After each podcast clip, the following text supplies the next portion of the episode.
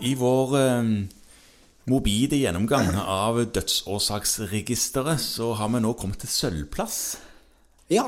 Ja, og da har vi noe som kanskje vil virke litt overraskende på mange. For det vi skal snakke om nå, er demens.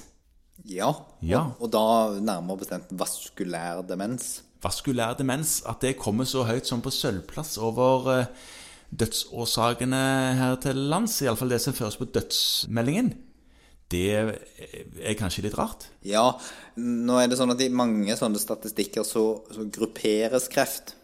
Eh, Ja. Og da vil kreft komme veldig høyt opp. Ja. Samtidig så er vaskulær demens jo å se på som en karsykdom. Mm -hmm. og, og dermed Så dette handler litt om hvordan vi stokker tallene.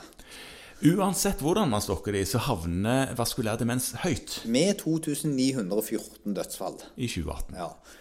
En alvorlig sykdom som skyldes altså, Grensegangen sånn i daglig drift opp mot slag og drypp det kan være litt vanskelig. Det skyldes dårlig sirkulasjon i hjernen. Men symptombildet er jo helt annet. Ja, for det er det vi kaller for progredierende. Altså det utvikler seg gradvis over tid med stadig større bortfall av funksjoner. Så man blir det som man kaller dement. Dement. For dårligere hjernefunksjon.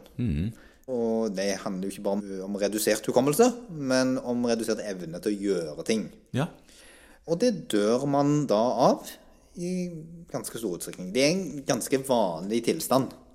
Vanlig tilstand, ja. Men uh, det tar òg livet av uh, mange, og mange flere enn det som jeg tror folk flest tenker på når de tenker på demens. De tenker at demens er en kognitiv, mental svikt som man har, og så dør man av noe annet. Men det er altså såpass at man kan dø av det. De havner iallfall på dødsmeldingen. Ja.